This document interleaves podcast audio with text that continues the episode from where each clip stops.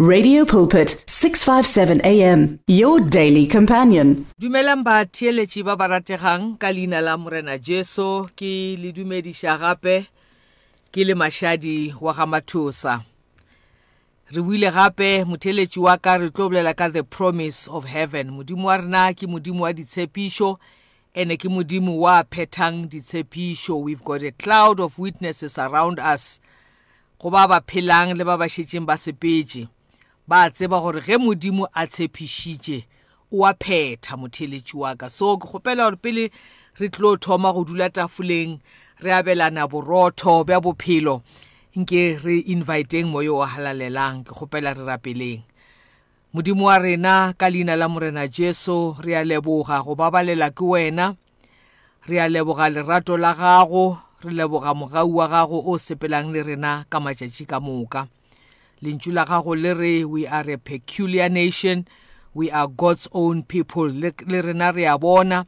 Ka mokgwa re tlhokomelang modimo wa ka ka mokgwa o phelang o re lebeletše gore ka nnete we do matter to you. Letšatši la mamotlha re santsane re tlo tsena lentšung la gago re a go mema papa re re fe kwešišo re fe botebo ba kwešišo ya gore re kwešiše lerato la gago morena wa ka.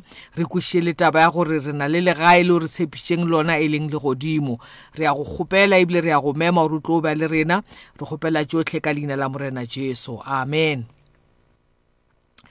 Motheletši ya rategang ditaba tše di monate ditaba tše di a kgothatsa nna di a ntsoša motheletši wa ka. Wa tseba gore go na le nako e nngwe o tla kry-a le gore go ntse o sepela mo tseleng o tlhakana le maima o bo o hwetse le matlho a fifala o sa bona o na o gata kae o le mokreste o sa bone gore o gata kae o le moetapele kerekeng o le moetapele ka gae o le moetapele mošomong it does not matter. Nako ngwe re a sharakana you know ge o šetse o tsamaya ka re ga di-tribulations you know ge go fofiwa ka, ka, ka di-flights goba ka aeroplane go na le mo o hwetša le gore pilot o tsena ka re ga dilo tše ba di bitsang di-turbulences you know. Fly machine o kry kgetlha-kgetlha kgaragatsega e ya ka mo le ka mo batho ba tšhogile. You know go a iragala. You know in our different positions at our different levels tša tsela e re e tsamayang bjale ka bakreste we, we meet with challenges and nako ngwe di ya go kgaragatsa di go šarakantšhe o hwetse le gore le ge e le gore o mo- o mo e leng gore o mo mo positioning ya godimo mohlomongwe you are a father ka mo gae or you are a mother o kry le gore wa sharakana. So we really need time to come together and and just look into the word of god. Bible is the law of liberty you know. Ge re bala lentšu la modimo ge re meditate mo godimo ga lona le a kgona gore lokolla out of fear. You know out of doubt gore re kgone go tsamaya ka courage. Lentšu la modimo le re you must be bold you must be strong for the lord your god is with you. Mara nako ngwe ge re ya through di-tribulations o hwetša o tsena ke fear o kry o tsena ke doubt. Mara ge re bala lentšu la modimo you begin to be bold you begin to roar now and be brave. Wa gopola gore na lentšu la modimo le re ko wena mang mo go morena jesu. So we are going to do the same motheletši wa ka le gona bjale. I hope mo le leng gona le le tlhwaile ditsebe to receive from god to receive from the holy spirit gore modimo a le reminde gore na le bomang go ka no ba go le bothata go le boima go kgetlha-kgetlha.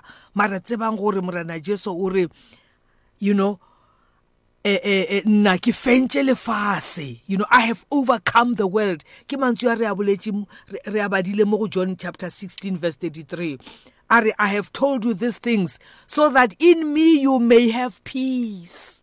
You know le a gopola morena jesu tšatši la kgalemela lewatle. A re peace be still.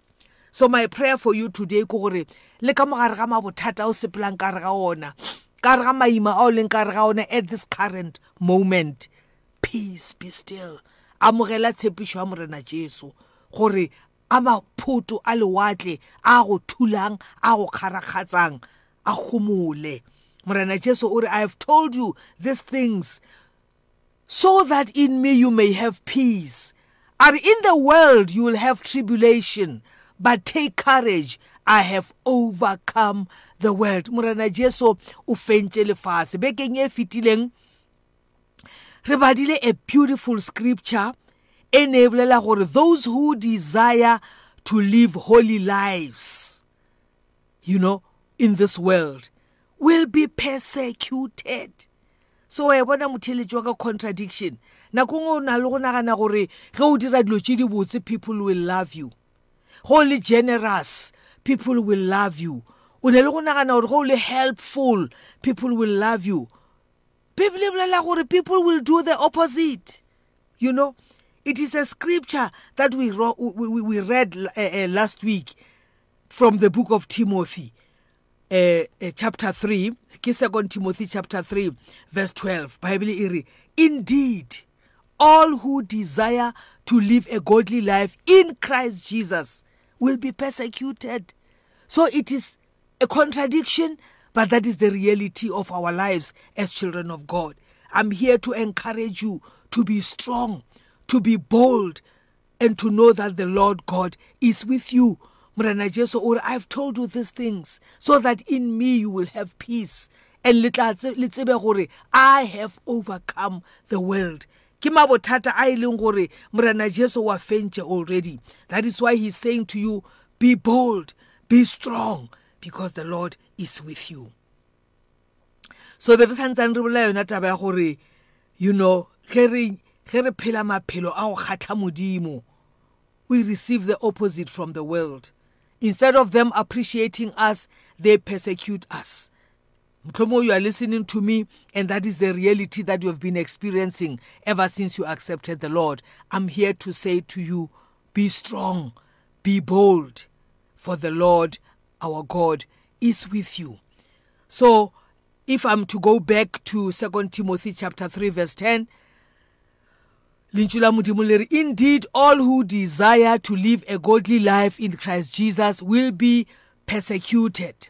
While evil people and impostors will go on from bad to worse deceiving and being deceived. But as for you theeletša mokreste as for you continue in what you have learned and have firmly believed knowing from whom you have learned it. So motheletši wa ka tswela pele lentšu la modimo le re continue in what you have learned. Ba ka no ba sa go appreciate o facea suffering o facea persecution mara lentšu la modimo le re continue in what you have learned and have firmly believed. Lentšu la modimo le re you are persecuted because you are living a godly life. So ke le tshepiše gore we are going to go back and look at what happened to Paul. Le a gopola gore bekeng e fetileng ge re be re bala 2 Timothy chapter 3 verse 11 Paul o boletse ka di persecutions and the sufferings that happened to him at Antioch and gape at Iconium and gape at Lystra. I want to to just take a moment. Re lebelle gore na mara monna o o re o tlhagetše ke eng? What were the kind of sufferings and persecutions that he went through when he was in those places that he mentions? So, re thoma ka go lebelela gore what happened to Paul in Iconium That is the story that you will find in the book of Acts chapter 14. So batheletši ba ka ke le encourage gore at your own time go and read the whole of Acts chapter 14. Nna ke tlo tsopola here and there because of my limitation ya nako mo studiong. Fela lentšu la modimo gona mo le tlhalosa gore Paul o ile a tsamaya a na le Barnabas by Iconium and they went as usual into the Jewish synagogue. And ge ba fitlha mo they spoke the word of God to some Jews and Gentiles who had believed. Lentswe la modimo le re but the Jews who refused to believe they stirred up the Gentiles and poisoned their minds against Paul and Barabbas. Wa e bona motheletši wa ka persecution e thomile kae? Ke bolela ka batho ba ile e gore ba phedile mengwageng ya kgale. Bo paul and barabas ke batho ba ile e gore ga ba sa lego. Ke batho ba ile e gore ba ile ba rera evangeli ka mengwaga ela ya kgale. Ke baapostola ba re reng re eme mo godimo ga tumelo e theilweng godimo ga bona. Lentšu la modimo le re they went as usual into the synagogue where they spoke so effectively that a great number of Jews and Gentiles believed. Ba dira ntho e botse motheletši wa ka. They obeyed god. They preached the word of god. Fela ga go fela moo lentšu la modimo le re go a ba le batho ba e le gore ba gana go dumela. And they stirred up the gentiles and poisoned their minds against the brothers. Motho mongwe ke bala experience ya paul le barabbas in iconium. Le wena you can identify with some of the things that happened to you. Where you did something good. But go ba le batho ba ile gore were against you and they went and poisoned the minds of some of the people against you. Wa makala batho ba ne ba go rata ba šetše ba fetoga ba sa tlhole ba go rata. Wa makala batho ba ile gore ba ne ba go etela all of a sudden ga ba sa go etela. Batho ba ne ba go thabela ba smile le wena all of a sudden ga ba sa smile le wena. Kanthe go na le ntho e satane a e beetseng mo ditlhaloganyong tša bona. That is exactly the same strategy that paul uh, that the devil used against Paul and Barabbas in Iconium. Mo Paulo a neng a rap Timothy a re wa gopola the persecutions and the sufferings that happened to me when I was in Iconium. ge re tswela pele re e bala lentšu la modimo le re so paul and barabbas spent considerable time there speaking boldly for the lord who confirmed the message of his grace by enabling them to do miraculous signs and wonders. Se monate ka paulo le barnabas ga sa ka ba ema ka go bona batho ba ba fetogela batho ba sa tlhole ba smile le bona. That is an encouragement also to you motheletši wa ka. Go bona batho ba go fetogela batho ba sa go thabela o tseba gore ba poisonilwe against you. Go na le batho ba ba ileng go bona ba go seba. Go na le batho ba ba ileng go bona ba ba influencer negatively against you. The same thing happened to Paul. Mara ntho re ithutang ka bophelo ba Paul ke gore he went ahead. And lentšu la modimo le re he spoke boldly. And Mudimu was with them confirming their message by his grace by enabling them to do signs and wonders. That is the promise from god. Gore tswela pele motheletši wa ka. O sekebe wa bolela morago ka baka la di-sufferings le di-persecutions more especially tše di tswang go batho. Ge re tswela pele re e bala experience ya paul ko iconium. Lentšu la modimo le re there was a plot afoot among the gentiles and jews together with their leaders to mistreat them and stone them.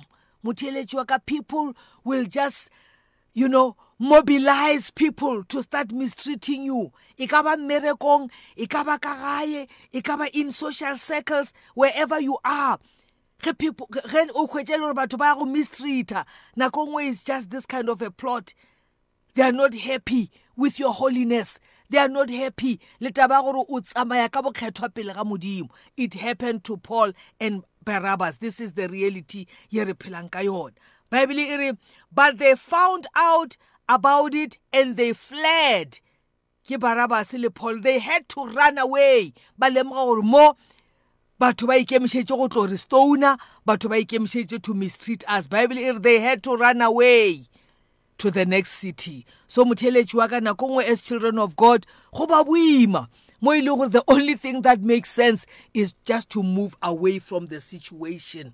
So motlhomongwe ka ba e le gore wena o kile wa ikhwetša o tshwanela ke go tloga ka re ga situation. Wa nagana gore motlhomongwe you were being cowardly. This is one of the strategies ye ileng ya berekiša ke paul and barabbas. Ba no šuthelela mathata because they were going to be stoned. So ke rata go go bontšha motheletšo ka from the word of god. Ge paulo a re you know you have followed my sufferings in iconium. In iconium o ne a re re evangedi modimo a na le yena ba fodiša batho. Ba tlhatswa batho ba lephera ba dira many signs and wonders but there was a plot to kill them and to, to, to mistreat them until they ran away from that place. Ke some of the sufferings tše paul a di bolelang. And then gape o bolela gore there was something else that happened to them in lystra. So story seo re se kry-a gape mo go acts chapter 14 go e bala from verse 8 go lystra the bible says there was a man who was crippled in his feet who was lame from birth and never walked. Lentšu la modimo verse 9 le re he listened to paul as he was speaking. Paul looked directly in him and saw that he had faith to be healed and called out and said stand up on your feet. And at that the man jumped up and began to walk. Ke tše dingwe tše di botse tše paulo a neng a di dira ko listra. So mo go verse 9 lentšu la modimo le re then some jews came from antioch and iconium and won the crowd over. They stoned paul and dragged him outside the city thinking he was dead. So wa bona motheletši wa ka gore your good behavior keeps attracting uh, uh, uh, um, persecution from non-believers. Mo paulo o fodišitše motho o ne a sa kgone go sepela. The jews lentšu la modimo le re they dragged him outside the city and they stoned him and they left him for dead. Nako e mpheletše motheletši wa ka we shall continue to talk about this next week. May the good lord bless you. It's more than radio. It's a way of life. It's 657 AM. Many people across South Africa are being blessed and encouraged by the Radio Pulpit devotional magazine, The Word for Today. This publication places the gospel of Jesus Christ in the hands of more than 100,000 people every day, inspiring every person, from the professional businessman to the needy person who lives on the streets. Each edition contains daily scripture based devotionals and inspiring articles to help you grow spiritually. The booklet is given with the compliments of Radio Pulpit, but your donation, large or small, will help us to print the next edition and continue being the hope of the gospel to a world in desperate need. The Word for Today. Get yours today on 012 334 1200 or subscribe online at www.radiopulpit.co.za. Radio Pulpit, your daily companion. For there is a time to search and a time to give up, a time to reap and a time to sow. Radio Pulpit wishes to be there at all times, even when you just need prayer. Send us your prayer requests by calling 067 429 7564 or email it to prayer at radiopulpit.co.za. You and 657 AM and life.